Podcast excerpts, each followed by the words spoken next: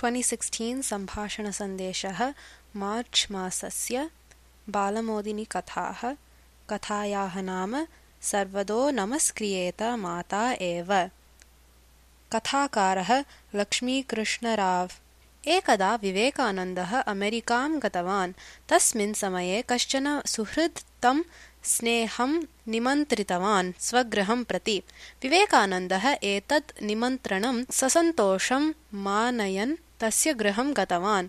तस्य गृहे वृद्धा माता निवसति इति सः जानाति स्म। अतः सर्वदौ ताम् अन्विष्य अतः गत्वा तां वृद्धां सविनयं नमस्कृत्य बहिरागत्य सः तस्य मित्रस्य पत्नीमपि नमस्कृतवान्।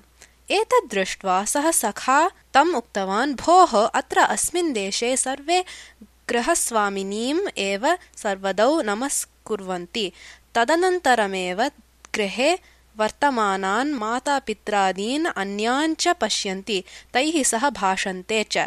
भवतः चेष्टितं तु एतद्विपरीतम्। अहो आश्चर्याय एतत् इति। तदा विवेकानन्दः प्रत्युत्तरं दत्तवान्। मित्र माता एव भवति सर्वदौ पूजार्हा।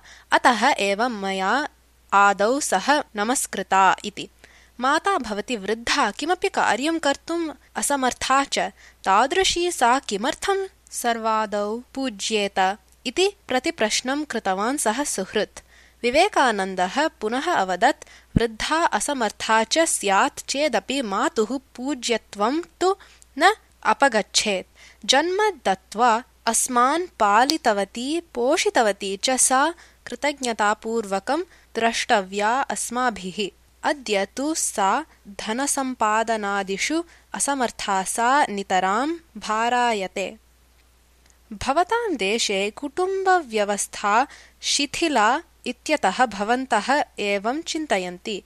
आजन्मनः प्रतिफलापेक्षां विना अस्मान् प्रीत्या पोषितवत्याः संवर्धितवत्याः च तस्याः ऋणात् मुक्तिः च भवेत् वार्धके पोषणात् एव उपाध्यायान् दर्शाचार्यः आचार्याणां शतं पिता। सहस्त्रं तु पितॄन् माता गौरवेणातिरिच्यते। इति वदति कश्चन श्लोकः। अतः मातुः स्थानं भवति अनन्यम्। भवतां देशे तु पत्न्याः एव विशिष्टं स्थानम्। अद्य तु एकां स्वपत्नीं निर्दिशन् भवान् अपे